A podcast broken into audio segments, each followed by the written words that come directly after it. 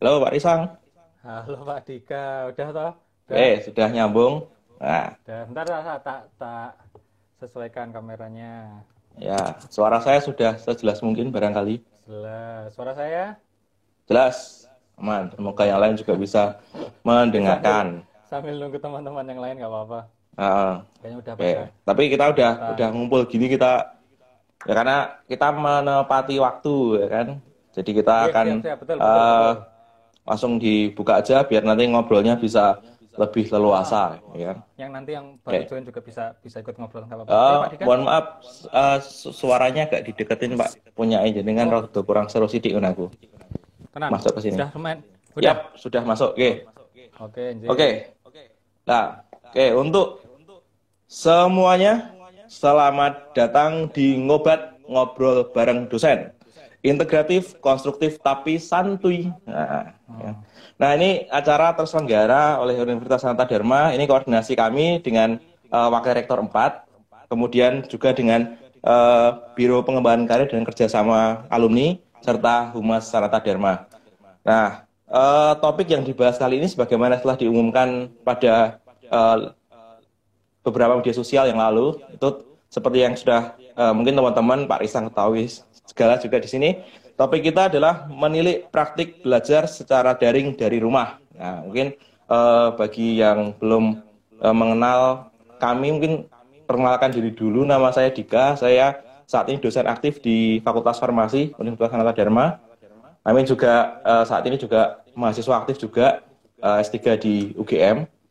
Dan narasumber kita hari ini orang yang istimewa, spesial sekali dan cocok sekali dengan uh, topik yang akan kita bahas. Ya kan? Siapa beliau? Beliau adalah Bapak F.X. Risang Baskara. Nah, tepuk tangan buat Pak Risang. Oh, nuwun Ah. Oh. Ya. Beliau ini dosen aktif di Fakultas Sastra, tepatnya Sastra Inggris ya Pak. Ya kan? Dan saat ini menjalani studi S3-nya sama kita ber-KTM ya, ya kan? Cuma yang bedanya kalau beliau di eh, Swinburne University, Sarawak ya Pak. Kucing di kucing di kucing. Oh ya, eh, itu di Kucing. Nah, topik penelitian beliau itu cocok banget relate dengan yang mau kita bahas hari ini, yaitu eh, tentang teknologi pendidikan. Benarkah begitu Pak Rizang? Kira-kira, kira-kira, Nah, kira-kira. dan sejauh ini yang saya ketahui kita sudah beberapa kali sebelum ini ada eh, beberapa kerjaan di USD juga. Eh, topiknya juga cocok banget soal pendidikan. Tapi kalau saya ini karena nggak pernah dapat background pendidikan secara khusus, jadi ngajarnya ya agak eh, apa ya selengean, ngalor ngidul gitu. Nah sekarang saya sambil belajar dengan dari Pak Risang, gitu kan. Nah nanti mohon bantuannya sekalian teman-teman yang di sini kita eh, banyak sekali alumni yang dari eh, lulusan pendidikan kita tahu bahwa USD itu dominasinya FKIP cukup banyak dan teman-teman yang banyak yang terjun sebagai tenaga pengajar. Nah, oleh karena itu kita harapkan diskusi kita ini juga bermanfaat nggak cuma buat kita, tapi juga buat eh, adik-adik mahasiswa, rekan-rekan dosen, kemudian juga eh, segenap alumni yang berkecimpung di bidang yang sama dan masalahnya sama. Gitu ya Pak Rizang? Ya kira-kira. sedikit output dari acara hari ini. sedikit output dari acara hari ini. Nah, kalau eh, dasarnya dulu ya kan mungkin eh, ngobat ini muncul dari apa ya? Karena kita kan punya keprihatinan atas kondisi pendidikan di tengah pandemi COVID-19 saat ini. Sebagaimana kita ketahui, Indonesia itu sudah eh, mulai terdampak COVID sejak kalau tidak salah bulan Maret ya, 2020 dan sampai saat ini semua kegiatan termasuk pendidikan, kan, kuliah, sekolah itu dari rumah. ya.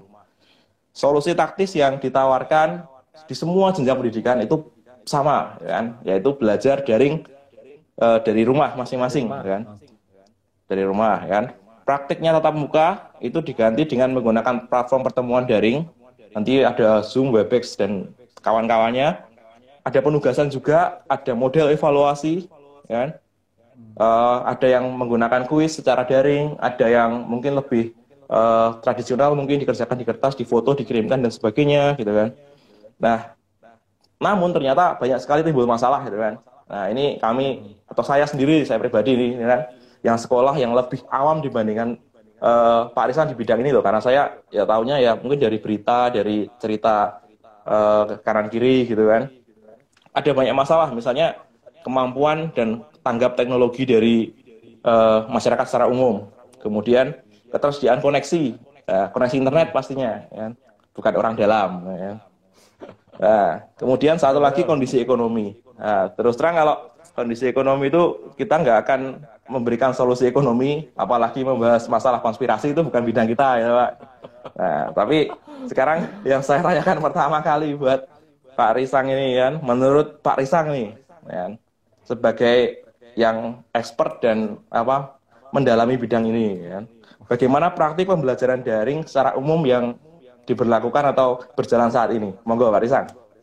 Um, Pak Dika, jadi saya hari ini memang diskusi kita arahnya ke uh, mengevaluasi dan merefleksikan kembali praktek-praktek baik yang kita laksanakan um, tiga bulan kemarin ketika uh, pandemi Corona 19 gitu ya uh, terjadi. Jadi um, saya ingin mengatakan bahwa pengalaman belajar secara daring yang uh, kita laksanakan sekarang itu berbeda dengan pengalaman belajar uh, di online courses yang memang sudah disiapkan dari awal sampai akhirnya untuk terjadi secara online.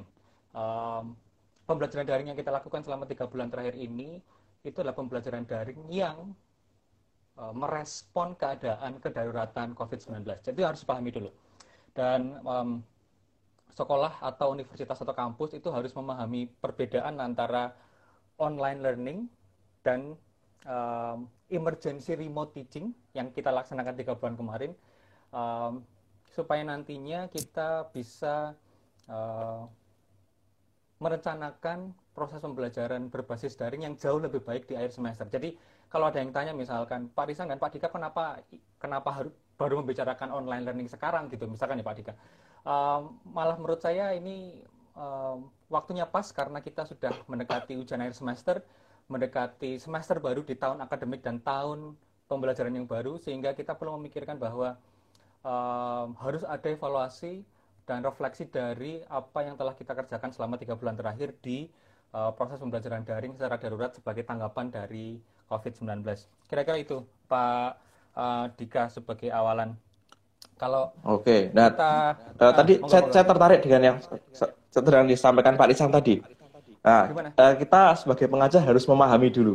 Nah, apakah oh, ada yang nggak paham, Pak, soal itu tadi, emergency remote teaching tadi mungkin ya, dengan oh. online learning atau pembelajaran online. Nah, itu. Apakah ada yang um, belum paham? Kok itu penting dibahas ya, toh? Ya. Um, sebenarnya gini, um, emergency remote teaching itu sudah lama dibahas, sudah banyak dibahas di awal-awal um, munculnya emergency remote teaching sebagai tanggapan COVID-19, Pak. Tapi tapi um, karena memang um, yang saya yang saya bayangkan dalam acara hari ini juga ikut mengevaluasi apa namanya mengevaluasi um, praktik itu. Maka kita akan coba um, um, kembali ke awal gitu. Apa yang disebut sebagai online learning dan apa yang disebut sebagai emergency remote teaching dan apa yang membedakan dan uh, membayangkan juga bahwa yang kita lakukan itu sebenarnya bukan online learning tetapi emergency remote teaching. Kita kita mulai ya pak. Kita mulai. Misalkan Ya, ya, monggo. Jangan dibayangkan, Pak. Langsung eksekusi aja. Nanti dibayangkan nggak selesai-selesai nanti. Matur nuwun, Pak Dika. Matur nuwun, matur nuwun. Um, ya. online learning itu uh, online learning itu membutuhkan um, persiapan yang yang matang gitu dari awal sampai sampai akhirnya gitu bahwa it requires a careful instructional design jadi harus matang persiapannya pak dari dari depan hmm. sampai belakang paling tidak paling tidak dari referensi yang saya baca ada sembilan ada sembilan dimensi yang uh, patut dipertimbangkan ketika merancang um, sebuah um, online learning gitu. Ada modality nanti hmm. teman-teman dan Pak Dika jika mau, mau belajar nanti saya juga bisa sebutkan apa namanya uh, referensinya. Ada modality, modality itu bentuknya, bentuknya. Online hmm. learning itu bisa full online Pak, 100% online bisa tapi juga bisa dicampur dengan pertemuan tatap muka atau nanti yang kita sebut sebagai blended gitu. Ada blended learning. Hmm. Nanti blended bisa turun ke banyak. Ada pada hybrid, ada flip learning, sesuatu yang saya tekuni di penelitian S3 saya juga. Um, yang kedua adalah pacing, pacing. Jadi kecepatan hmm. belajar. Um, kalau hmm. kalau Pak Dika dan teman-teman pernah ikut Coursera, pernah ikut Coursera, itu um, kan saya dan Pak Dika mulai korsernya nggak harus sama, nggak harus hari ini. Saya sekarang, misalnya hmm. Pak Dika mulai minggu depan kan boleh. Besok atau lusa gitu ya. Betul. Banget, ya. Dan selesainya juga berbeda. Dan selesainya juga berbeda. Jadi um, harus dipikirkan itu juga. Yang ketiga, yang kedua pacing. Yang ketiga adalah uh, rasio antara instruktur dan mahasiswanya. Yang keempat, hmm. pedagogi yang digunakan dalam hmm. um, online learning itu. Yang kelima, assessment. Yang keenam dan ketujuh adalah peran siswa dan guru yang tentunya akan sangat berbeda ketika mereka berada di ruang daring gitu ya dibandingkan dengan ketika mereka bertatap muka di kelas. Dan kedelapan adalah yang yang sekarang nanti juga kita bisa bicarakan apa nah lebih lebih jauh adalah jenis komunikasinya. Bisa synchronous atau asynchronous gitu ya. Synchronous berarti online pada saat yang bersamaan, sementara asynchronous um, tidak harus online pada saat yang bersamaan. Dan yang terakhir, yang nomor 9, yang sering lupa dan sering tidak dibahas adalah feedback. Feedback, Pak Dika. Jadi kalau hmm. online learning itu ada 9 dimensi yang harus dipertimbangkan. Dan karena begitu banyak dimensi yang dipertimbangkan, waktunya banyak. Investasi waktunya hmm. banyak. Jadi online learning itu boleh saya bilang sebagai sebuah ekosistem pembelajaran yang mendukung siswa itu ya Pak, ekosistem pembelajaran yang mendukung siswa. Karena ekosistem, ekosistem, maka dia butuh waktu untuk terbentuk satu dan butuh waktu untuk mengidentifikasi bagian-bagiannya. Maka satu hal. Menarik ini. Per... Berapa lama Pak butuh ekosistemnya ini Pak? Wah, saya bukan ahli yang yang sebegitunya sih Pak, tapi intinya gini. Hmm. 6 satu semester lah. 6 sampai 9 bulan satu semester. persiapannya. Hmm. hmm, satu semester untuk menyiapkan online learning yang benar-benar online learning yang yang siap gitu. Nah, ini yang tidak terjadi, yang tidak terjadi di pembelajaran online yang kemarin kita lakukan sebagai respons dari uh, pandemi COVID-19. Pandemi. Betul, betul. Jadi um, untuk membedakan uh, untuk membedakan pengalaman belajar um, di online learning yang dirancang secara secara rapi dari awal sampai akhirnya, uh, emergency remote teaching itu hanya hanya perpindahan ah, bukan ya, bukan perpindahan tetap hanya um, transisi hanya transisi temporer transisi temporer um, proses pembelajaran kita. Karena proses kegawat dauratan yang yang yang terjadi. Kalau tadi kita ngomong tentang modality online learning bisa macam-macam pak. Full online blended gitu tetapi kalau emergency remote teaching itu 100% dilakukan dari jarak jauh remote. Hmm. Jarak jauh 100% Pak, 100%. Jadi um, karena memang um, tatap muka tidak tidak dimungkinkan untuk untuk ter, terjadi. Terjadi ya. Betul. Um, dan hmm. karena temporer, begitu misalkan masa kegawat dauratannya sudah selesai, maka dimungkinkan untuk kembali ke moda uh, pembelajaran sebelum terjadi pandemi. Kira-kira itu, uh, Pak nah. uh, Dika. Nah, tujuannya nah, okay. sebenarnya. Nah, ya kalau, tujuannya dari ini ya, menarik. Nah. Kalau uh, kalau tujuannya tujuannya dari emergency remote teaching itu sebenarnya bukan membuat sebuah ekosistem pembelajaran ya. Kalau kita ngomong tadi tentang online learning, kita ngomong tentang ekosistem yang kuat yang uh, terbangun dengan rapi dan mendukung siswanya gitu. Kalau emergency remote teaching itu tujuannya bukan membuat ekosistem yang seperti itu. Um, emergency remote teaching itu um, sekali lagi menjadi respons dari pandemi dan paling penting sebenarnya adalah menyiapkan proses pembelajaran dengan dua dengan dua uh, syarat. Yang pertama adalah syaratnya harus quick to set up, cepat dan mudah untuk dibangun. Um, dan yang kedua adalah reliably available. Nah, ini yang kadang-kadang kadang-kadang dua hal ini lupa. Jadi quick to set up satu sama reliable, reliably available harus tersedia. Kalau itu uh, mudah untuk dibikin, dibangun misalkan, tetapi tidak available bagi siswa ya jangan. Uh, sama aja ya. Misalkan sama aja untuk available hmm. tersedia dengan mudah gitu, ada ketersediaannya ada, tetapi untuk membuat materinya, untuk membangun sistemnya lama ya sama saja. Jadi um, tujuannya itu harus dua-duanya tercapai, harus dua-duanya tercapai. Kira-kira gitu, Pak Dika. Nah, praktiknya yang terjadi di awal-awal ketika muncul belajar dari rumah itu, Pak Risan, itu sama-sama yeah. stresnya. Yang ngajar stres bikin materi atau pilih medianya, ya, toh, ya kan? Sesimpel itu. Itu yang ngajar ya, dari pada yang ngajar. Ah. Jadi pengajarnya guru, dosen gitu kan. Dan juga kembali ke koneksi tadi internet. Lah dan juga dari mahasiswanya juga karena paling paling mudah dalam tanda kutip itu kan memberikan tugas. Nanti nanti mahasiswanya jadi atau siswanya jadi uh, komplain untuk tugasnya banyak banget dari pagi sampai siang gitu kan. Cuman misalnya pelajaran ada tiga pelajaran masing-masing ngasih tugas jumlahnya berapa besok dikasih lagi sama guru atau dosen banyak lagi tugasnya lah nanti jadi sama-sama stres dan kondisinya sudah nggak ideal ya kan? tapi dipaksakan tugas yang ideal layaknya ketemu di kelas nah itu gimana pak ini sekaligus saya bertanya gimana sih sebenarnya yang efektif belajarnya selama masa pandemi ini menurut Pak Risan gimana cara belajar yang efektif baik dari sudut pandang pengajar guru atau dosen maupun dari murid atau mahasiswa. Nah. Oke, okay, um, sebelum ke sana, sebelum ke sana Pak Pak Dika, jika hmm. masih ada yang bertanya, misalkan um, Pak Risang, apakah uh, metode emergency remote teaching yang kita lakukan ini adalah pertama kali emergency remote teaching yang pertama kali terjadi di dunia sebagai respon dari pandemi um, COVID-19? Bukan, bukan. Emergency remote teaching ini sudah ada konsepnya dari dari sudah sudah lama gitu. Salah satu contoh yang paling nyata adalah ketika um, melihat um, apa namanya kejadian di Afghanistan uh, ketika perang ketika perang terjadi emergency remote teaching di sana terjadi uh, dilakukan sebagai respons atas um, perang yang uh, ada di sana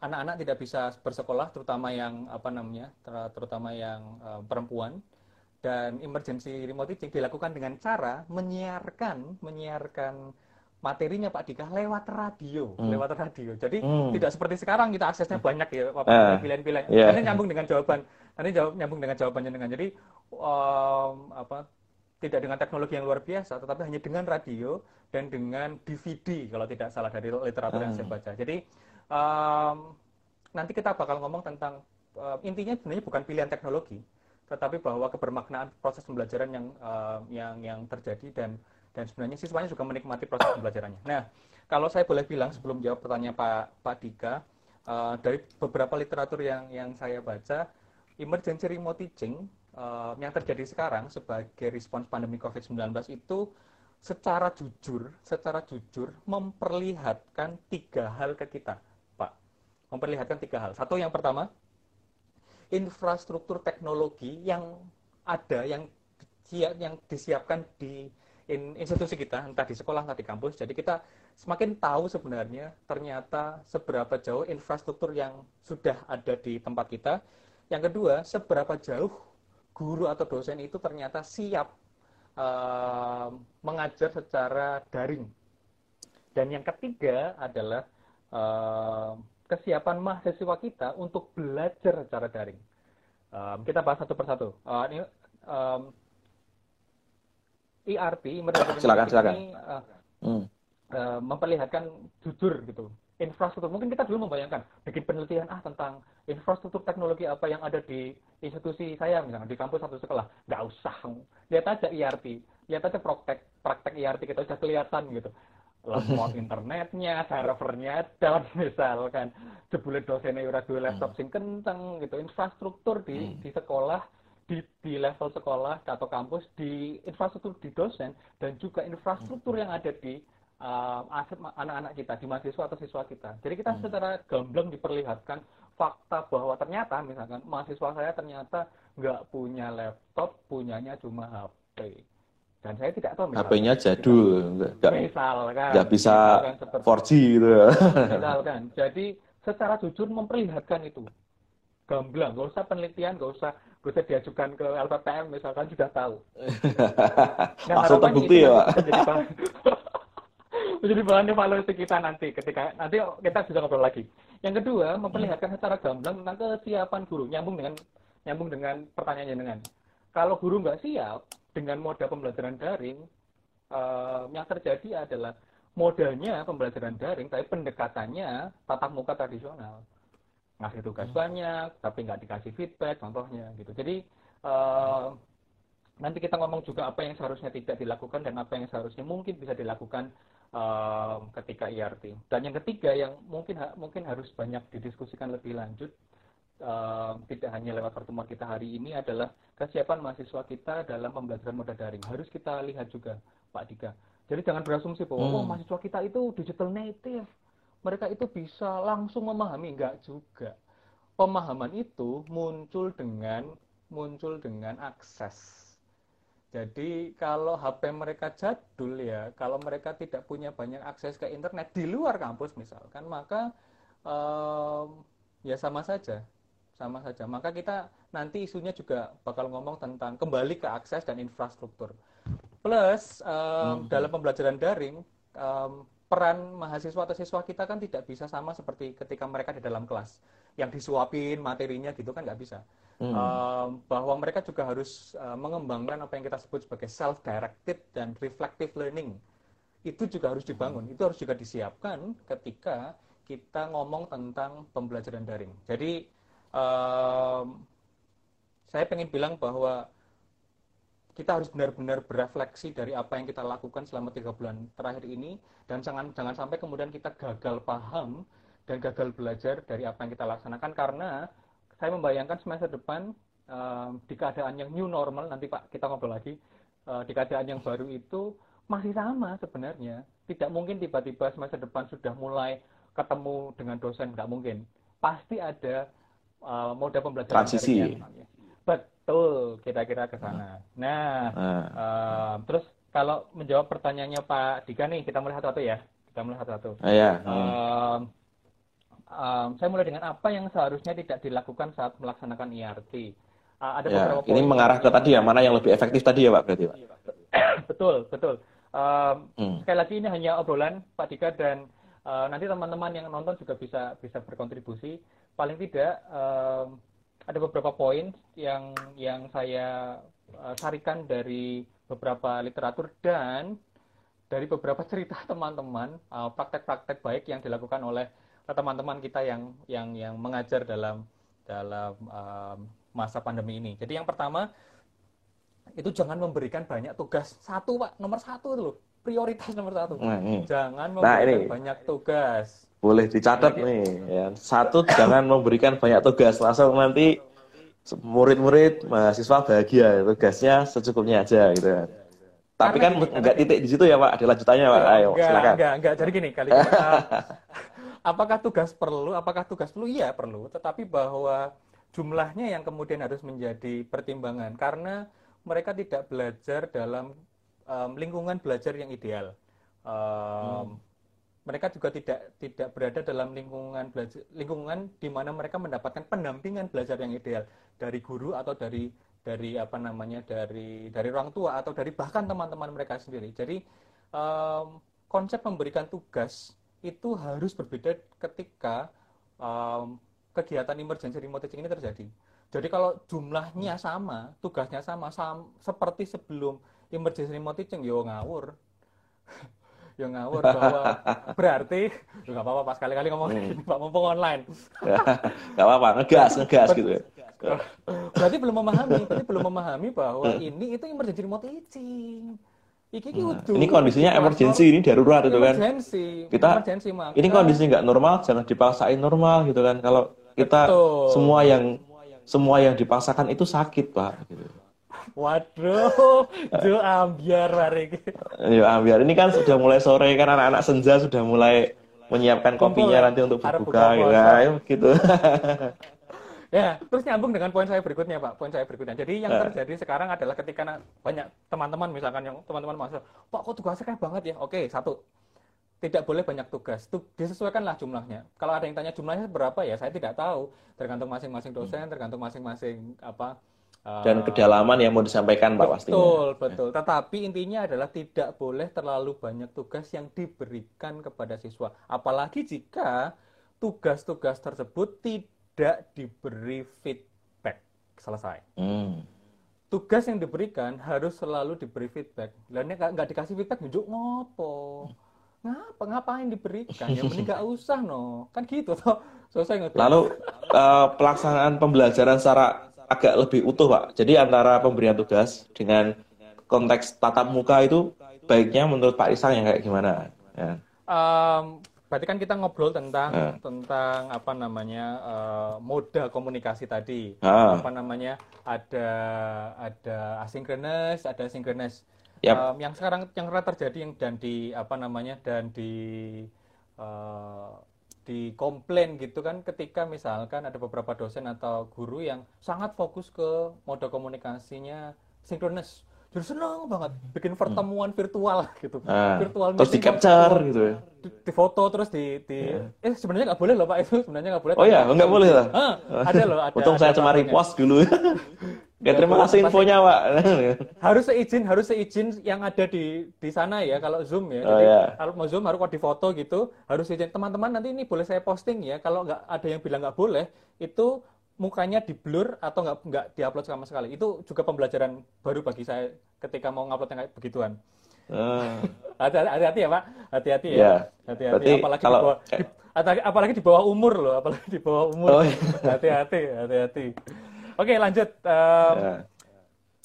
um, sebenarnya yeah. saya pengen bilang ke sinkronis dan asinkronis itu harus di di dikombin, dikombin, dikombinasikan. Kombinasikan. Betul dan uh, dan harus dikombinasi dan seimbang. Seimbang. Hmm. Jadi jangan sampai kemudian berfokus hanya pada um, pertemuan virtual tanpa mempertimbangkan bahwa ada banyak mahasiswa kita yang tidak punya banyak akses ke internet karena misalkan um, kuota internetnya kurang um, atau misalkan mereka yang tidak bisa pulang harus tinggal di asrama atau kos di di di, di dekat kampusnya misalkan dan uangnya habis untuk survival gitu um, dan tidak sempat membeli membeli kuota internet maka uh, harus dipikirkan lebih parah lagi nih pak lebih parah lagi seandainya yeah. mah justru mahasiswanya yang mohon maaf nih atau siswanya yang kena terdampak covid atau keluarganya nah itu kan nah, lebih ngeri lagi pak ya betul dan itu yang men sebenarnya menjadi pertimbangan bagi bagi kita seharusnya untuk mulai memikirkan bahwa materi utama dari proses pembelajaran kita itu harus dalam bentuk asinkronis yang bisa diakses tanpa harus online bersama.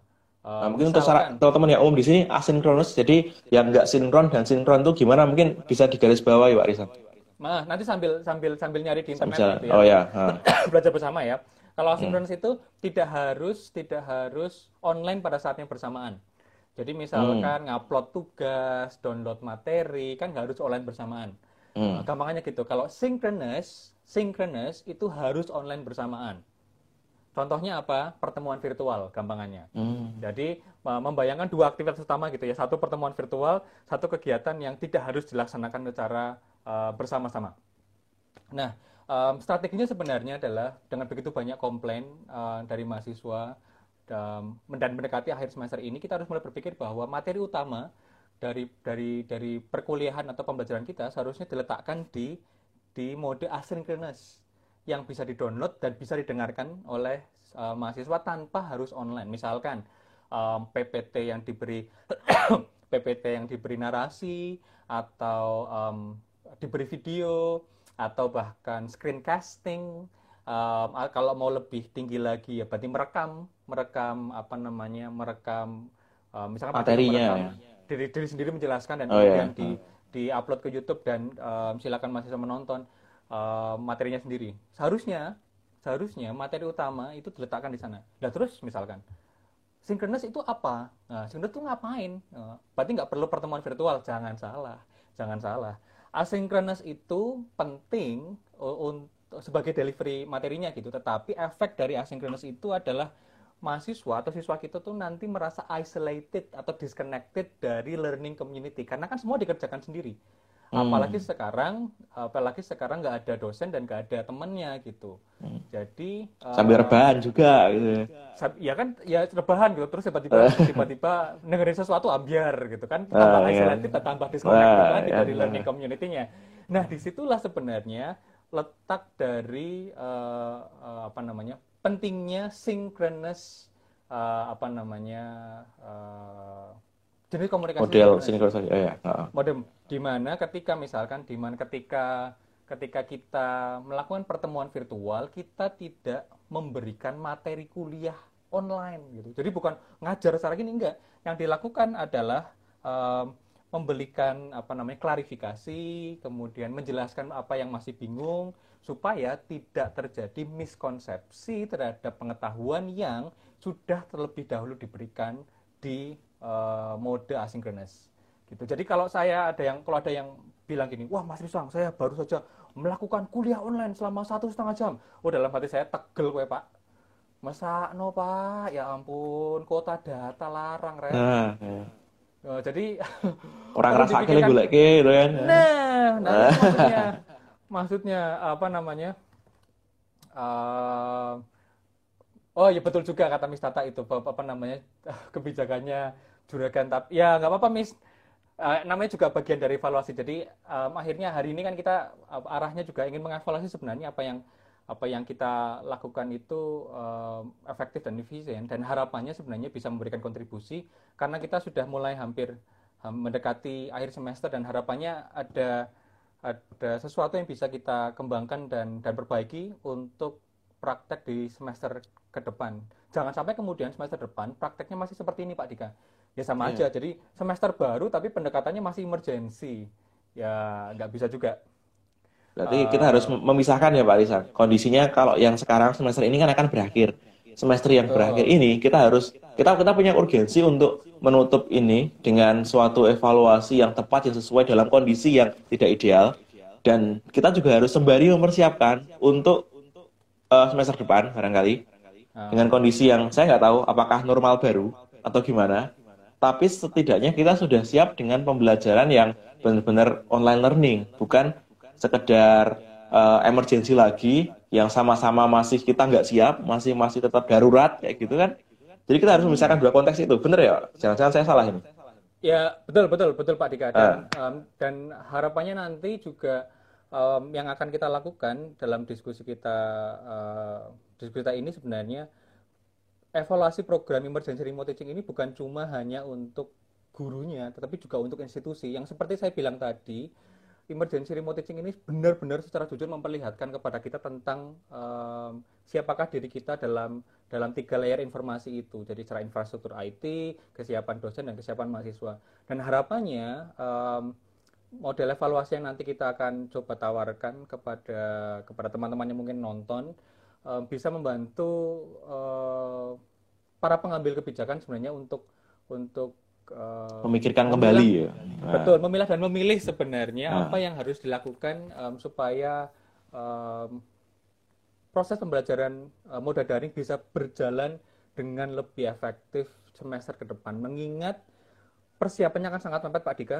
Kita selesai hmm. bulan Juli, Agustus sudah mulai um, eksekusi lagi nanti. Oh betul betul dan dan bukan emergensi, bukan emergensi remote teaching lagi, tetapi hmm perlakuannya masih emergency dan itu yang uh, apa namanya kita yang harus kita kita hindari. Nah, sambil nyambung itu Pak supaya saya juga yeah. masih ingat gitu. Uh. Um, kalau kita ngomongin tentang ERT ada beberapa tips supaya ERT berjalan dengan lebih hmm. efektif.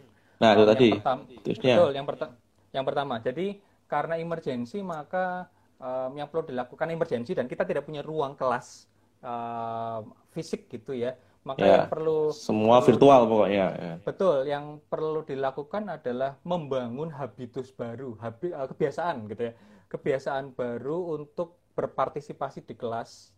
Um, saran saya, saran saya memang tidak tidak kemudian memaksakan diri misalkan kuliahnya Pak Risang hari Kamis jam 9 sampai jam 11, maka online-nya misalkan proses pembelajarannya pas IRT ini ya harus jam 9 sampai jam 11 hari Kamis. Enggak juga, enggak juga um, tidak harus sama seperti jam kuliah atau jam sekolah, tetapi ada ada kebiasaan baru yang dibangun, misalkan hari Selasa jam berapa atau seminggu berapa jam. Um, itu yang pertama. Um, karena misalkan jika membayangkan um, stay gitu ya, apa namanya um, fix pada jadwal sekolah atau kampus, takutnya nanti akan menyulitkan murid-murid dan siswa kita. Yang kedua, Sebentar Pak Risang, Sang, mo mo mohon maaf motong. Tadi ada yang bertanya juga itu kan.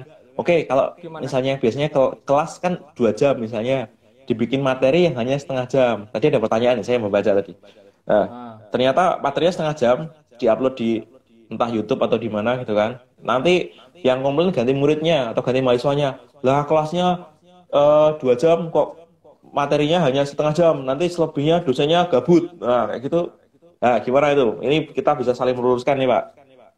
Um, intinya gini, jam belajar itu kan um, dalam masa darurat ini kan tidak harus terrefleksikan dari berapa jam kita ketemu, gitu satu hal. Hmm.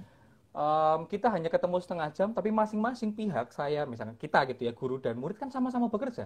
Ada jam kerja yang tidak kelihatan dan tidak terdokumentasikan gitu. Um, misalkan gini, ka, um, ngasih tugas misalkan gini, kita ngomong tentang tugas yang diberi feedback misalkan ya. Tugasnya uh, ngasih tugas dan kemudian ketemu menjelaskan gitu. Pertemuan virtualnya cuma setengah jam menjelaskan tugas dan apa namanya uh, mengklarifikasi apa yang harus dilakukan. Kemudian silakan kerja sendiri. Terus ada yang komentar, wah dosennya kira kerja. Bayangkan, assignment yang nanti kamu kumpulkan itu masih harus dikoreksi dan waktunya itu lebih dari dua jam waktu di kelas. Maka hmm. dan bebannya pun sama dan dan manajemen manajemen apa namanya manajemen uh, koreksi atau pemberian feedback yang dilakukan oleh oleh dosen itu juga tidak mudah karena dosen juga sedang mengalami masa darurat yang sama. Jadi jangan jangan kira dosen itu leha-leha. Membayangkan misalkan ada mahasiswa yang mungkin jadi korban, dosen juga sama. Jangan kira bahwa mungkin hmm. ada dosen yang keluarganya menjadi ODP atau ODP atau bahkan dirinya sendiri menjadi korban. Atau misalkan dalam konteks tertentu kayak jenengan misalkan punya punya istri uh, suster yang bekerja di rumah sakit yang kadang-kadang was-was harus pulang. Ada ada banyak kedaruratan. Nah, yang penting sebenarnya adalah komunikasi dengan dengan siswa, memberikan pemahaman bahwa bahwa ini emergency remote teaching dan semuanya serba serba emergency dan semuanya serba oke. Okay. Kalau bahkan hmm. misalkan gurunya atau dosennya tidak memberikan mata tidak memberikan assignment dan saya assignment cuma bilang your assignment for this week is to survive gitu kan. To live and happy. Wes, yes. Nah, bahagia ya, langsung. Ya. Jadi, uh, Jadi memang harus saling pengertian ya, Pak. Ya. Betul, dan uh. oleh karena itu juga um, dosennya juga harus memberikan pengertian dan dosennya uh. juga harus memahami bahwa kondisi yeah. yang dialami, yang dia sedang alami mungkin juga dialami oleh oleh uh. mahasiswanya. Jadi uh, dua belah pihak harus saling pengertian gitu, nah, saling betul, dan, apa ya? Iya, ya kira-kira gitu, kira-kira gitu, hmm. kira-kira gitu. Benar sekali ya harus Jadi jangan memposisikan diri menjadi korban. Jadi seolah ya satu pihak itu lebih enak gitu kan iri bilang bos kayak gitu kan ya nggak boleh kayak gitu kita harus memposisikan uh, ngerasain lah kamu gimana gimana gitu kan jadi kayak ya sederhana lah gitu kan kayak cinta cinta itu sederhana yang rumit itu kamu gitu kan wah ini cara ambiar terus ambiar nah, terus oleh, ya kan oleh karena itu oleh karena itu uh. step berikutnya supaya IRT efektif keep it simple jangan complicated uh. Uh, jika tidak mau misalkan hidup dosen atau guru complicated dengan memberi banyak feedback, ya jangan ngasih tugas yang banyak banyak feedbacknya hmm. banyak dan dan ah. complicated uh. gitu. Make it ah. simple.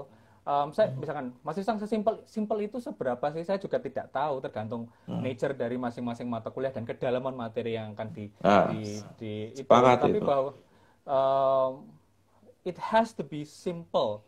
Um, apa namanya mudah mudah dipahami, mudah dikerjakan dan um, feedbacknya juga tidak tidak memerlukan sesuatu yang sangat sangat uh, kompleks.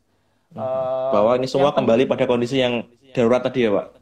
Betul, betul. Dan yang sering hmm. lupa adalah ketika kita mengajar dalam konteks emergency remote teaching, kita lupa untuk mengkoneksikan pengetahuan yang didapat sebelumnya dengan pengetahuan yang baru. Jadi kayak ngasih, hmm. dinyuapi materi terus gitu loh, Pak. Hmm. Padahal penting okay, okay. untuk membuat membuat membuat koneksi. Gitu. Minggu lalu ini, hmm. minggu ini hmm. ini, tiga hmm. minggu ke depan itu ini. Jadi selama misalkan enam minggu kita berada dalam um, situasi pandemi Corona 19 ini, kita akan membahas ini dan tujuannya ini sehingga mahasiswa bisa membayangkan bahwa akhir dari proses pembelajaran adalah ini. Jangan kemudian setiap minggu tuh kayak mahasiswa diberi surprise gitu loh. Hari ini kita bahas jeng jeng, jeng gitu ya.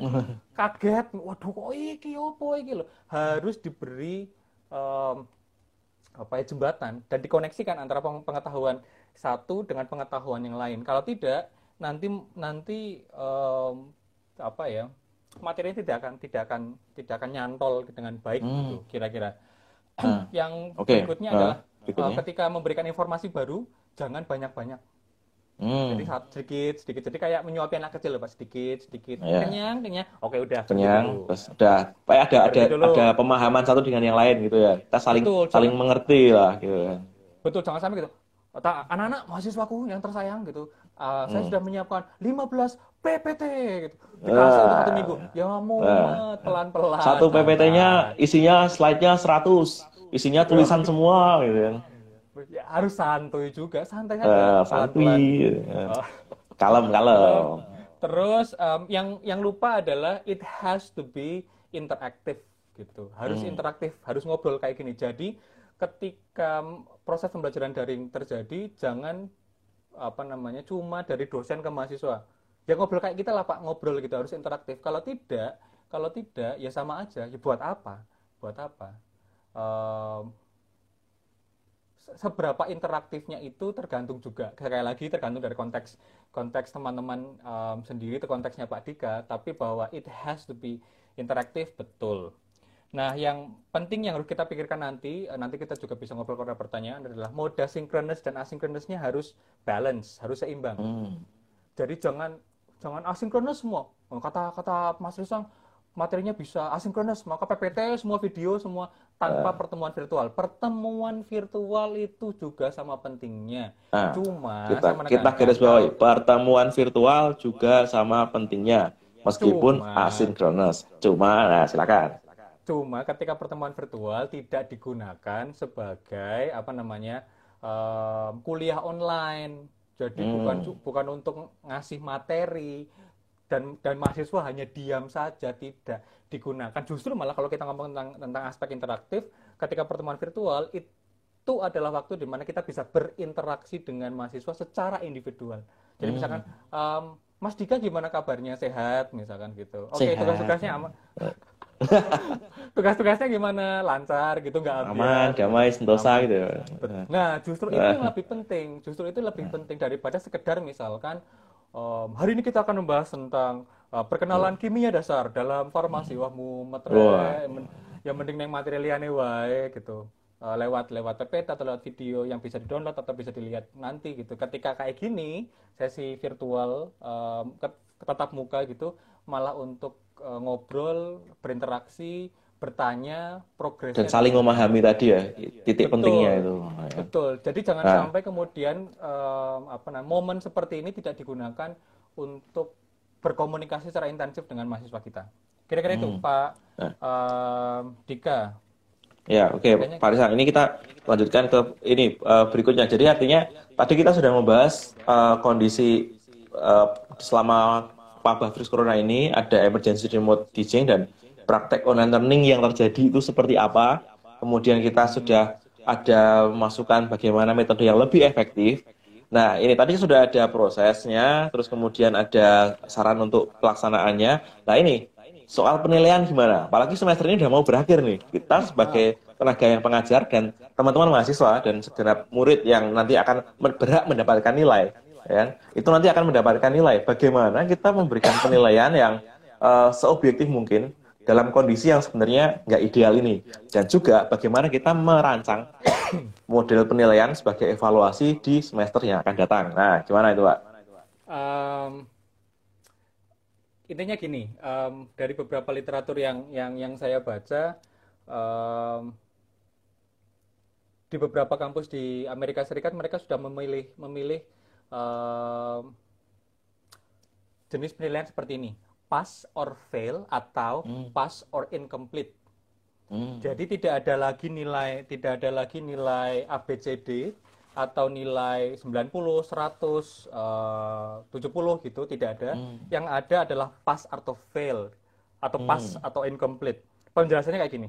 Uh, hmm. Kreditnya SKS-nya tetap dihitung sebagai completion of apa namanya uh, the semester tetapi nilainya itu tidak mempengaruhi GPA. Hmm, jadi, jadi misalkan pola gradingnya sebenarnya seperti kayak uh, A, B, C, D, E itu tapi dikurangi ya, hanya pass or fail. Kemudian nanti nilai uh, angka-angka continuous itu diubah menjadi discrete bahwa itu lulus atau betul, tidak gitu. Ah, betul, ya. mirip seperti itu kira-kira, mirip seperti itu kira-kira.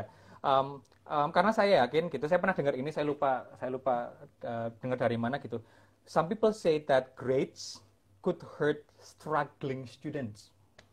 Bayangkan mereka, siswa kita itu tidak belajar dalam kondisi belajar yang ideal, um, tidak didampingi kita secara secara secara optimal, um, terus tiba-tiba kita di akhir semester kita ngasih kamu tidak masuk lima kali di kelas saya, maka kamu C gitu. nggak bisa gitu. Kita harus lihat juga kenapa tidak tidak lima kali tidak masuk. Bisa jadi keluarganya terdampak. Bisa jadi. Atau malah dia sendiri. Atau gini, oke okay, Pak, atau dia mungkin tidak terdampak secara langsung, tapi gara-gara corona keluarganya, bapak ibunya non sewu gitu ya, knock on the wood, non sewu, uh, terdampak dari sisi ekonomi, di PHK hmm. lah atau apa tidak punya uh, akses yang memadai ya secara finansial terdampak dan kemudian uh. tidak punya uang untuk bahkan sekedar membeli paket dan belajar dan kemudian dia akhirnya memilih untuk membantu uh, bapak dan ibunya orang tuanya misalkan. bekerja ya. misalkan dan akhirnya tidak uh. tidak ikut pertemuan virtual dan tidak mengerjakan jadi ada banyak aspek di mana uh, ada banyak aspek di mana uh, penilaian aspek penilaian standar yang kita buat sebelum terjadinya emergency remote teaching itu tidak relevan dengan kondisi kita maka kalau bagi saya gitu ya bagi saya uh, kalau Pak Arisan sendiri gimana oh gampang tugas terakhir, tugas akhir semester saya adalah uh, jika semester depan saya bisa melihat, jika misalkan pertemuan terakhir saya bisa melihat, kalian sehat dan bahagia, kalian dapat A. Nah, ya. pokoknya tugasnya hanya survive gitu ya Pak. Betul, Sesimpel itu ya. Karena, Mau nilai berapapun kalau misalnya nggak survive malah ya repot Pak itu Pak. Ya. Kan? Pak Dika, kita juga harus melihat bahwa mereka itu sedang membuat membuat luka batin terhadap mereka itu sedang menciptakan luka batin pembelajaran. Mereka belajar dipaksa belajar tidak ideal dan semester depan mereka juga dipaksa lagi untuk belajar dengan kondisi yang hmm. tidak ideal. Maka jangan sampai kemudian kita ikut-ikutan menciptakan ke lingkungan yang tidak ideal tidak ideal juga bagi mereka. Maka uh, untuk masalah penilaian harus kita pikirkan juga kira-kira seperti apa. Dan Pak Dika, hmm. dan it has to be harus secara uh, konsisten dilakukan oleh unit atau institusi. Jadi jangan gini, uh, misalkan kita ngobrol dan Pak Dika setuju dengan saya, kemudian kita melakukan cara yang sama, kita ngasih A semua, tetapi dosen yang sama, dosen dosen yang lain di unit yang sama ternyata melakukan sistem penilaiannya berbeda. Sistemnya sama seperti tadi, yo nggak bisa, nggak adil akhirnya. Jadi yang ingin saya tekankan sebagai bahan evaluasi program IRT juga adalah pengambilan keputusan untuk standar penilaian di masa emergency remote teaching ini juga harus dilakukan secara sistemik dan sistematik sebagai sebuah unit atau institusi. Jangan sampai kemudian praktek-praktek baik dosen praktek-praktek praktek baik yang dilakukan dosen berjalan sendiri-sendiri tanpa ada hmm. koordinasi hmm. dan tanpa di, uh, dikerjakan secara bersama. Uh, yang terjadi di sekolah menengah dasar, sekolah hmm. menengah dasar setengah malam bukan dasar pak atas menengah dasar ada sendiri ya. sampai SD, mumet SMA, ya. uh, sampai mumet ya SD SMA SMA itu um, saya baru baru dapat beberapa saat yang lalu um, ada surat edaran Mendikbud tentang pelaksanaan kebijakan dalam masa darurat COVID-19 yang salah satunya itu uh. berkaitan dengan UAS dan kenaikan kelas. Hmm. Bener pak, jadi harus kayak gitu, hmm. harus top down jadi ada panduan evaluasi yang yang yang yang yang apa namanya? yang terstruktur. Jadi jelas gitu loh. Sementara hmm. mungkin saya membayangkan kalau di di pendidikan tinggi di kampus itu mungkin belum. Maka penting juga untuk untuk me, apa misalkan di farmasi atau di sastra mungkin saya juga bisa ngomong nanti bisa ngomong ke Pak Dekan gitu. Apakah bisa misalkan dirancang uh, sistem penilai, evalu, penilaian atau evaluasi yang bisa diadopsi oleh semua dosen di unit tersebut di di Fakultas Sastra misalkan. Hmm. Jadi um, fair untuk semua, tetapi juga mempertimbangkan hal-hal um, dalam masa pelaksanaan emergency remote teaching ini di pandemi corona 19 gitu hmm. Pak Dika. Nah ini ini menarik karena udah ada panduannya aja kadang-kadang nanti uh, implementasinya bisa ke kanan ke kiri ke atas ke bawah gitu apalagi nggak ada ya kan Pak. Betul, betul dan itu yang uh. yang menjadi salah satu bagian uh, bagian yang harus dievaluasi hmm. uh, harus dikoordinasi, harus memiliki standar yang sama. Misalkan pada titik tertentu ternyata unit unit A misalkan kami mau pakai standar yang sama, sama seperti hmm. sebelum pandemi. Ya nggak apa-apa, tapi konsisten hmm. dilaksanakan misalkan. Meskipun gue jadi ngawur kali ya. tegel ya, tegel setengah mati nomor itu. Tapi konsisten gitu. Misalkan um, Pak Dika dan saya misalkan um, kita satu satu unit satu fakultas misalkan cara cara penilaian kita diadopsi oleh yang lain dan sem dari dari satu fakultas itu semua dosen ngasih ah ya boleh juga nggak hmm. apa-apa tapi harus hmm. konsisten dan dilaksanakan secara uh, bareng-bareng oleh um, pengajar di unit uh, tersebut gitu. Hmm. Sekali lagi, sekali lagi nah, Pak Dika, nah, ini adalah hmm, hmm. bacaan saya, bacaan saya dari dari berbagai macam literatur yang saya baca sekaligus uh, sekaligus uh, apa namanya uh, melihat melihat kecenderungan yang terjadi di di apa namanya di uh, dunia pendidikan kita. Kira-kira gitu. Hmm. Hmm, kalau misalnya pendekatannya gitu kan tadi sampai penilaian ya, gitu kan. Pada akhirnya uh, sebagai pengajar mahasiswa kan bisa dievaluasi dari dari penilaian dosen atau gurunya di kelas gitu kan, guru kelasnya, mata pelajarannya. Lah, kalau secara umum proses pembelajaran ini Pak Risan, itu bagaimana bisa dikatakan sukses? Karena kalau nilai pun itu susah untuk menstandarkan ketika nggak ada kebijakan top down yang seperti Bapak sampaikan tadi. Lalu bagaimana uh, the whole proses ini itu bisa dibilang sukses? Nah, Um, sebelum ke sana, Pak Dika tadi uh, saya sedikit melihat uh, pertanyaannya Mbak, pertanyaan Miss Tata tadi. Uh, iya, iya. Ada banyak asumsi beredar bahwa nggak nggak mungkin ada yang nggak lulus. Um, saya tidak uh, saya tidak beradvokasi bahwa um, apa namanya tidak ada tidak ada tidak ada evaluasi atau assessment di akhir semester. Ada Miss, tetap harus ada, tapi bahwa ada banyak pertimbangan yang harus di, di, dipertimbangkan. Ada hal yang dipertimbangkan sebelum nantinya uh, apa namanya sebelum nantinya uh, memberi nilai gitu. Um, saya juga masih bertanya-tanya kemarin yang soal UN kan UN kayaknya lulus semua gitu kan. Benar nggak sih Pak Dika? Gitu kan, saya juga nggak nyimak ya Pak. Tapi um, tapi pada akhirnya mesti pada akhirnya ke situ semua. Nanti lulus jalur corona nanti istilahnya. um, tapi tapi gini tapi gini misalnya um, yang ingin saya sampaikan adalah apa pun keputusan um, teknik dan standar uh, assessment yang dilakukan oleh suatu unit itu harus berkesinambungan um, ke semua ke semua staf pengajarnya um, jadi jangan sampai kemudian satu dosen dengan dosen yang lain, satu guru dengan guru yang lain itu punya teknik atau assessment yang berbeda dalam menanggapi proses kedaruratan ini. Nanti yang terjadi adalah um, siswa kemudian punya punya apa namanya uh, punya pemikiran perspektif berpikirnya uh. kok Pak Dika kok yang ini kok Pak Risang kok yang ini kok beda-beda gitu hmm. um, sebagai sebuah institusi kita harus punya suara yang sama um, untuk mendukung mendukung mendukung murid-murid kita. Apa pun keputusannya, mau A semua, mau pass or fail, mau uh, pass or incomplete, tapi semuanya harus saya kira mendukung mahasiswa kita. Kalau jenengan misalkan tanya, uh, Miss Tata dan Pak Dika tanya, kalau Pak Risang gimana? Saya A semua. Saya mending A semua, tetapi semua sehat secara fisik dan psikologis supaya semester depan saya bisa bertemu dengan murid-murid saya um, lagi dengan sehat dan bahagia. Kira-kira gitu. Tapi itu dari personal saya saya tidak suara saya tidak merepresentasikan suara keseluruhan di mana pun ya betul gitu tetapi itu yang saya bayangkan nah menanggapi pertanyaan Pak Pak Dika ya, uh, kesuksesan dari proses tadi, tadi ya. betul um, seperti saya bilang tadi emergency remote teaching ini memberikan secara memberikan gambaran kita memberikan gambaran secara jujur kepada kita tentang apa yang terjadi di institusi kita nah untuk mengevaluasi mengevaluasi apa yang kita lakukan di emergency remote teaching ini uh, saya saya menawarkan saya menawarkan apa model evaluasi uh, yang uh, namanya itu CIPP CIPP konteks CIPP uh, ya CIPP CIPP konteks input proses dan produk dari judulnya saja uh. Uh, Pak Dika dan teman-teman sudah bisa membayangkan sebenarnya apa, apa hmm. yang akan terjadi um, ke, di proses apa namanya di proses uh, evaluasi kegiatan IRT ini um, Contohnya misalkan kalau kita ngomongin um, C, konteks. Konteks ini kita ngomong tentang konteks institusi di mana kita berada. Punya um, internal dan eksternal resources seperti apa yang bisa kita gunakan ketika proses pembelajaran darurat ini terjadi. Jadi selain institusi, um, kita juga harus tahu konteksnya apa. Kemudian pola komunikasi atau interaksi apa yang biasa terjadi di um, apa namanya di institusi tersebut. Saya membayangkan kampus misalkan.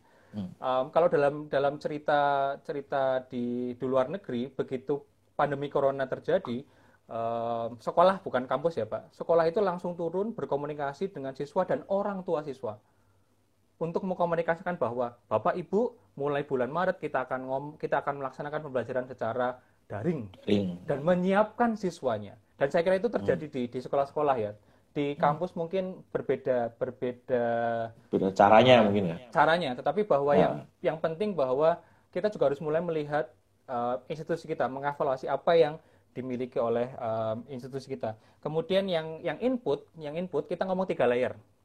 Kita ngomong tiga layer input. Satu kesiapan infrastruktur, kesiapan infrastruktur, infrastruktur teknologi, ya. teknologi. Betul. Yang kedua kesiapan staf pengajar dalam mengajar secara daring. Itu yang penting, Pak. Hmm. Uh, itu yang uh, yang yang penting. Dan yang ketiga adalah kesiapan mahasiswa atau siswa kita untuk belajar secara daring juga. Hmm. Nah, itu harus dievaluasi. Jadi dari praktek baik emergency remote yang kita lakukan, kita juga harus mengevaluasi nih. Jadi jangan cuma dianggap sebagai wah ini praktek baik nih berarti udah gitu. Jangan. Pengalaman-pengalaman itu harus dievaluasi dan direfleksikan serta didokumentasikan dengan baik. Jadi ada berapa yang punya um, HP dan laptop gitu ya servernya gimana untuk infrastruktur. Untuk kesiapan dosennya dosennya bermas apa namanya dosennya uh, siap atau tidak dengan dengan harus nantinya membuat sumber belajar digital gitu. Siswanya siap tidak uh, ketika diberi tugas dan harus mengerjakannya gitu. Jadi diingat-ingat ya nanti Pak Dika saya diingatkan ya, bahwa ini yeah. jangan jangan sampai hilang gitu jangan yeah. hilang tapi ini yang... sebentar Pak, ini ada input yang baik dari Pak Oda ini, WR4 oh, iya, kita ini Pak ya. Bos. Wah, ya. Nah, halo Pak Oda. Ampun Pak. Nah, pengalaman mengajar beliau ini, ada blessing in disguise di mana uh, mahasiswa jadi semakin apa ya kemampuan digitalnya, digital literasinya mungkin lebih berkembang luar biasa di sini karena uh, saya nggak tahu apakah ini the power of kepepet atau gimana gitu kan terjadiannya tapi mereka mulai semakin terbiasa dengan kondisi teknologi yang yang yang mereka hadapi saat ini gitu kan. Jadi sama uh, sama Pak Dik, ya kan? Pak Dik, inputnya juga mereka juga akan improve ya Pak. Ya. Sama dengan dosen jangan salah loh. Ada dosen-dosen ah, iya. kita yang tiba-tiba pinter pinter sekali ya karena il, the ilmu of kepepet. Tapi uh. justru itu yang menjadi menjadi hal yang penting untuk kita evaluasi dan kita kita refleksikan. Betul misalnya yang baru saya omongin sekarang. Jadi, um, tapi jangan sampai kemudian ini dianggap sebagai sesuatu yang biasa saja. Tidak, keadaannya memang darurat. Nah, hasil dari pengalaman yang darurat ini harus didokumentasikan, refleksikan uh, dengan baik supaya misalkan um, semester depan kita bisa menyiapkan dengan baik. Kita bisa ngomong, dosen ternyata kemampuan untuk screencastingnya meningkat, catat centang. Screencasting dengan menggunakan aplikasi apa? Loom, screen, Screencastify, atau Screencast-O-Matic itu harus dicatat juga supaya semester depan bisa diidentifikasi dengan baik. Ingat, hmm online learning Pak Dika itu sebuah ekosistem. Sebuah ekosistem yang harus dibangun dan diidentifikasi dengan dengan baik. Jadi um, arah dari evaluasi ini ke sana gitu ya. Ini hmm. baru kita ngomongin ngomongin input ya. Nah ya, yang input. penting adalah berikutnya untuk didokumentasikan dievaluasi dan direfleksikan adalah prosesnya. Prosesnya. Jadi misalkan um, masalah apa yang muncul um, bagaimana feedback dari mahasiswa tentang pembelajaran daring itu juga harus kita kita catat sebagai bagian. Jadi jangan jangan hanya cuma dilaksanakan, tetapi tidak kemudian ditangkap sebagai bagian dari uh, evaluasi dan refleksi yang mungkin perlu kita laksanakan untuk semester depan. Nah, hmm. yang bagian terakhir produk. Nah, produk ini. Itu produk itu gimana itu pak produknya? Produk itu berkaitan dengan performance atau learning outcomes yang diproduksi oleh mahasiswa. Yang yang tadi kita omongin sebagai grading itu tadi. Apakah hanya melekat ke mahasiswa, Pak? Um, oh, oke. Okay. Kalaupun ada eh. evaluasi, oke, okay, benar-benar Pak, benar. Uh. Kalaupun ada evaluasi pembelajaran, evaluasi pembelajarannya pun harus disesuaikan.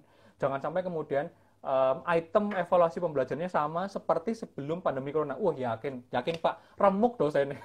Berat ya. Eval dievaluasi mahasiswa wah remuk banget. Oh, remuk banget tetapi dari dua aja berat apalagi tambah kayak gini ya. Wah, jangan tapi harus ada mekanisme evaluasi pembelajaran lain gitu atau itemnya lain yang dilakukan oleh mahasiswa.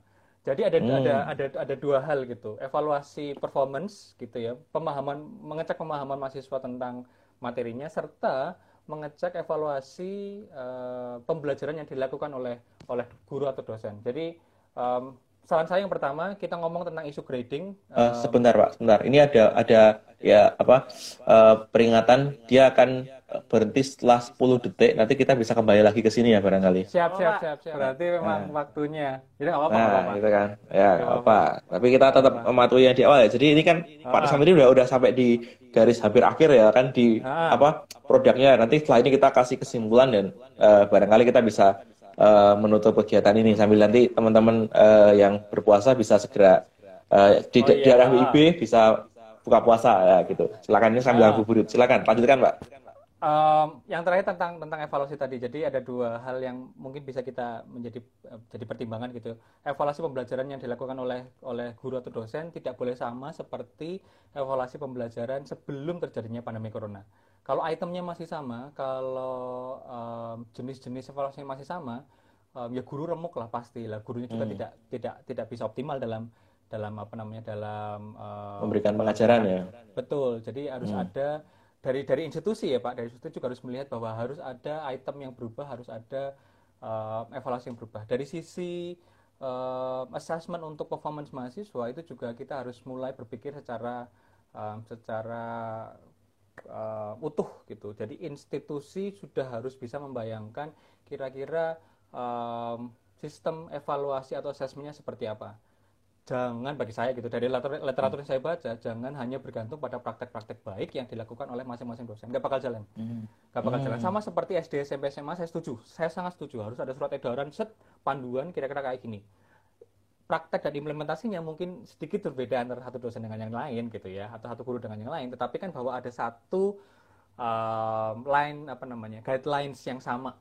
Kayak gitu. Mau pass atau fail hmm um, pass or incomplete, mau A semua, mau B semua, ya serah gitu. Tapi bahwa ada panduan yang yang sama. Um, nah, nah um, hmm.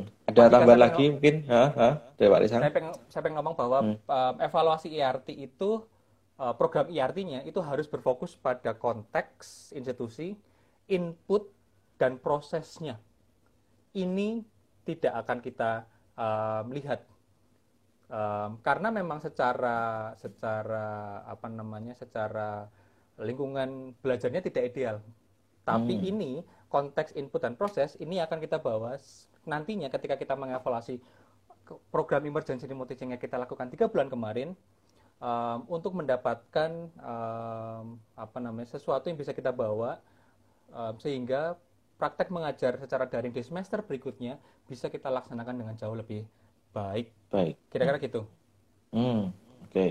Nah, ini uh, tadi beberapa poin kita bahas mulai dari awal uh, bagaimana pemahaman secara umum, terus kemudian uh, cara belajar yang efektif termasuk dengan juga ada penilaiannya, bagaimana kita mengukur kesuksesan kita termasuk masukan yang menarik tadi yang uh, apa informasi yang saya dapatkan CIPP-nya tadi dari Pak Risang tadi, gitu kan, termasuk uh, bagaimana kita mempersiapkan semester depan, gitu kan. Nah ini sebelum uh, nanti saya berikan beberapa garis-garis apa uh, yang bisa saya garis bawahi gitu, maksudnya uh, kalimat-kalimat yang bisa saya garis bawahi sebagai kesimpulan. Mungkin Pak Risang ada yang mau ditambahkan dulu, mungkin saran secara umum, secara global bagi baik uh, tenaga pengajar, dosen, guru, dan juga bagi mahasiswa sebagai uh, objek yang menerima pembelajaran. Tapi bahwasanya ini dua pihak yang saling harus apa ya bekerja sama ini kita harus tetap pahami. Gimana Pak Risang? Mungkin saran dari Bapak. Um, gini Pak Pak Oda saya eh, Pak Pak Oda. Waduh. oh, Pak Oda. Nasri dikira pakai rektor uh, ya nanti. Uh, ya. Gini gini gini Pak Dika, gini Pak Dika. Um, saya melihatnya bahwa um, dalam dalam proses pembelajaran daring sebagai untuk menanggapi pro, menanggapi pandemi ini ya, guru atau dosen tidak bisa berdiri sendiri. Harus ada support dari institusi. Itu yang penting itu yang penting jadi um, institusi harus punya sistem pendukung yang yang baik sehingga hmm. bisa membantu para staf pengajar ini untuk uh, untuk bisa memberikan pelayanan kepada mahasiswa dengan lebih baik kita harus hmm. ingat juga bahwa uh, tidak hanya siswa yang punya punya isu gitu ya tapi juga dosen atau guru juga punya masalahnya sendiri ketika ketika menghadapi uh, kondisi semacam ini ya. Betul, betul. Uh. Istrinya misalkan istrinya dipecat sehingga dia harus hanya bergantung pada suaminya atau anaknya juga sakit dan sebagainya gitu. Begitu banyak komplikasinya terjadi. Maka saya menekankan um, fungsi institusi kita um, sekolah atau kampus untuk benar-benar mendukung uh, mendukung para pengajar sehingga bisa memberikan peng, uh, pelayanan kepada mahasiswa dengan lebih baik cara mendukungnya bisa bisa berbagai macam um, layer Pak Pak Dika. Yang jelas satu misalkan dengan meningkatkan infrastruktur teknologi yang jauh lebih baik misalnya satu. gitu ya dari sisi fisik gitu. Dan yang kedua adalah memberikan pendampingan kepada kepada para staf pengajar ini supaya mereka bisa jauh lebih siap, lebih siap untuk mengajar secara daring. Hmm. Ketika efeknya adalah ketika guru sudah lebih siap mengajar secara daring, mereka bisa memberikan pemahaman yang jauh lebih baik kepada siswanya dan kemudian menyiapkan siswanya untuk lebih siap belajar secara daring. Jadi sistemik dan sistematik gitu kira-kira Pak Pak Dika. Jadi nggak bisa, ya, ya, ya. tidak tidak bisa kita hanya menyelesaikan satu bagian saja tanpa memikirkan bagian yang lain. Yang lain, itu kita saran, tetap harus saran, efektif dan efisien gitu ya. Betul, itu saran saya sih, saran saya sih. Nah. Tapi bahwa kalau misalkan um, yang dilakukan hanya berbasis praktek-praktek baik yang dilakukan oleh individu gitu, nggak nggak bakal jalan, nggak bakal jalan. Hmm nggak bakal jalan. Jadi um, dukungan institusi akan sangat jauh lebih berperan daripada sekedar misalkan um, saya dan Pak Dika yang sangat semangat gitu, eh teman-teman kita membuat materi uh, sumber belajar digital gitu. Tapi kalau tidak ada dukungan dari dari institusi sama saja. Nah itu hmm. yang menjadi bagian evaluasi penting um, program emergency remote teaching yang kita lakukan selama tiga bulan ke tiga bulan ini. Tiga bulan. Hmm. Oke, nah menarik sekali. Ini uh, saya juga belajar banyak uh, dari ini karena ya seperti saya bilang di awal tadi, saya bukan orang yang backgroundnya di pendidikan meskipun akhirnya terjun pada dunia pendidikan. Tapi ini memberikan uh, manfaat yang sungguh luar biasa bagi saya dan kalau boleh nih, saya tadi seperti saya bilang di awal tadi ingin beberapa uh, menggarisbawahi beberapa poin-poin yang menjadi uh, bahasan kita pada saat ini. Jadi yang pertama kita uh, harus memaknai bahwa yang kita lakukan kemarin itu sudah adalah ERT tadi, emergency remote teaching. Jadi kondisi darurat di mana kita menghadapi pandemi, tapi proses belajar harus tetap berjalan. Jangan ini dikonsep seperti uh, online learning yang sudah terstruktur dengan baik gitu kan. Nanti sama-sama ambiar, baik mahasiswa maupun dosennya atau gurunya, ya kan. Hmm. Nah, kemudian dari uh, rekomendasi, uh, seperti tadi disampaikan oleh Pak Risang untuk bagaimana belajar yang efektif sudah kita uh, bahas bersama bahwa kondisi uh, seperti ini pembelajaran yang asinkronus itu uh, menjadi pola yang mungkin bisa cukup efektif. Meskipun demikian kan bahan digital tadi memang harus disertai dengan uh, pertemuan virtual bukan untuk menyampaikan materi yang sangat banyak tapi untuk memberikan uh, saling berkomunikasi uh, ada feedback di sana tukar pikiran dan sebagainya untuk meluruskan beberapa pemahaman yang uh, harus di uh, apa ya dibenahi untuk pendalaman materi yang lebih baik lagi seperti itu ya. Betul. Nah kemudian untuk uh, evaluasi tadi penilaian mungkin ada perubahan pola penilaian itu tergantung pada kedalaman dari masing-masing uh, mata pelajaran atau mata kuliah gitu kan nanti bisa disesuaikan juga dan uh, untuk kesuksesan secara umum nanti bisa kembali kita mengatakan aduh kembali Pak kameramu Pak Iya, wes sorry. Kepecet. Nah, Nah, itu uh, evaluasinya secara umum nanti kita bisa pada uh, pembelajaran yang kita sudah lakukan itu suksesnya kita bisa kembali ke CIPP tadi ya kan. CIPP itu adalah apa tadi C-nya konteks, konteks, nah, input, proses, proses dan produk. Dan produk. Nah, produk. semacam itu. Oke, okay, mungkin uh, seperti itu ini kita agak, agak uh, lebih 10 menit ya, tapi untuk semuanya mohon maaf, tapi semoga ini tidak Pak menjadi Dika, hal yang membuat gak? Saya boleh ya? ngomong terakhir nggak? Saya boleh ngomong boleh, terakhir? Boleh banget boleh. loh. Jangan terakhir Pak, jangan terakhir serius. Anak istri Bapak gimana kalau ngomongnya terakhir? silakan, silakan. Sekaligus promosi bahwa um, ngobat ini acara-acara bukan acara yang pertama dan terakhir akan ada series. Oh ya, ini um, bukan alfa dan omega ya Pak? Betul, ini al, ini uh, alfa, ini alfa. Ini alfa. Tapi bukan, ya. tapi bukan, bukan, bukan omega. Bukan, akan ada acara yang lain. Maka um, saya ingin menyambung nanti Pak Dika juga bisa menyambung, menyambung yang sekiranya bisa menjadi bahan diskusi di uh, program ngobat berikutnya. Intinya, intinya sangat, sangat saya pengen bilang gini Pak Pak Dika, um, jangan jangan sampai kemudian kita berpikir bahwa semester depan itu sudah aman, um, sudah aman dan kita bisa kembali ke uh, proses belajar mengajar sebelum uh, pandemi corona terjadi. Tidak, tidak. Pandemi ini mengubah lanskap, mengubah lanskap proses pembelajaran yang terjadi di di tempat kita, di institusi kita. Maka um, um, kita tidak boleh tidak boleh melupakan um, proses yang terjadi, yang proses yang kita lakukan, yang kita laksanakan di ERT ini. Skill set yang kita dapatkan selama emergency remote teaching ini harus kita bawa besok di semester depan dan semester berikutnya. Jangan sampai dilupakan. Dan ingat, kita kita nanti bisa ngomong banyak. Ada yang memperkirakan bahwa ada gelombang kedua dari dari COVID-19 ini dan kemungkinan Tapi kita doa yang terbaik lah ya Pak. Gitu. Misalkan knock on the wood, knock on the wood. Gitu. Tapi intinya begitu kita tidak melupakan skill set yang kita dapat dari ERT, begitu ada kondisi di mana ERT-nya apa namanya dilaksanakan kembali, kita saat itu Pak Dika, saya janji, saya berjanji gitu ya, saya kalau tidak dilupakan, saat itu kita akan jauh lebih siap. Amin. Monggo ditutup. Nih.